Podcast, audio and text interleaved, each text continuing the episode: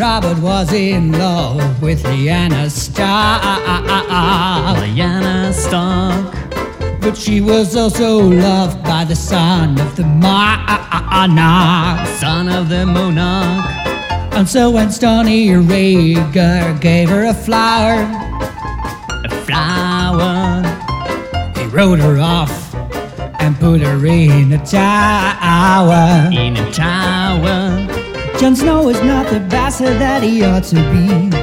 Ned Stark's so honorable now, he would never cheat.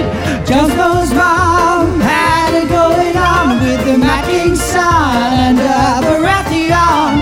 Rhaegar, can't you see? The wolves won't bend the knee. I know I might be wrong, but Jon is a Targaryen.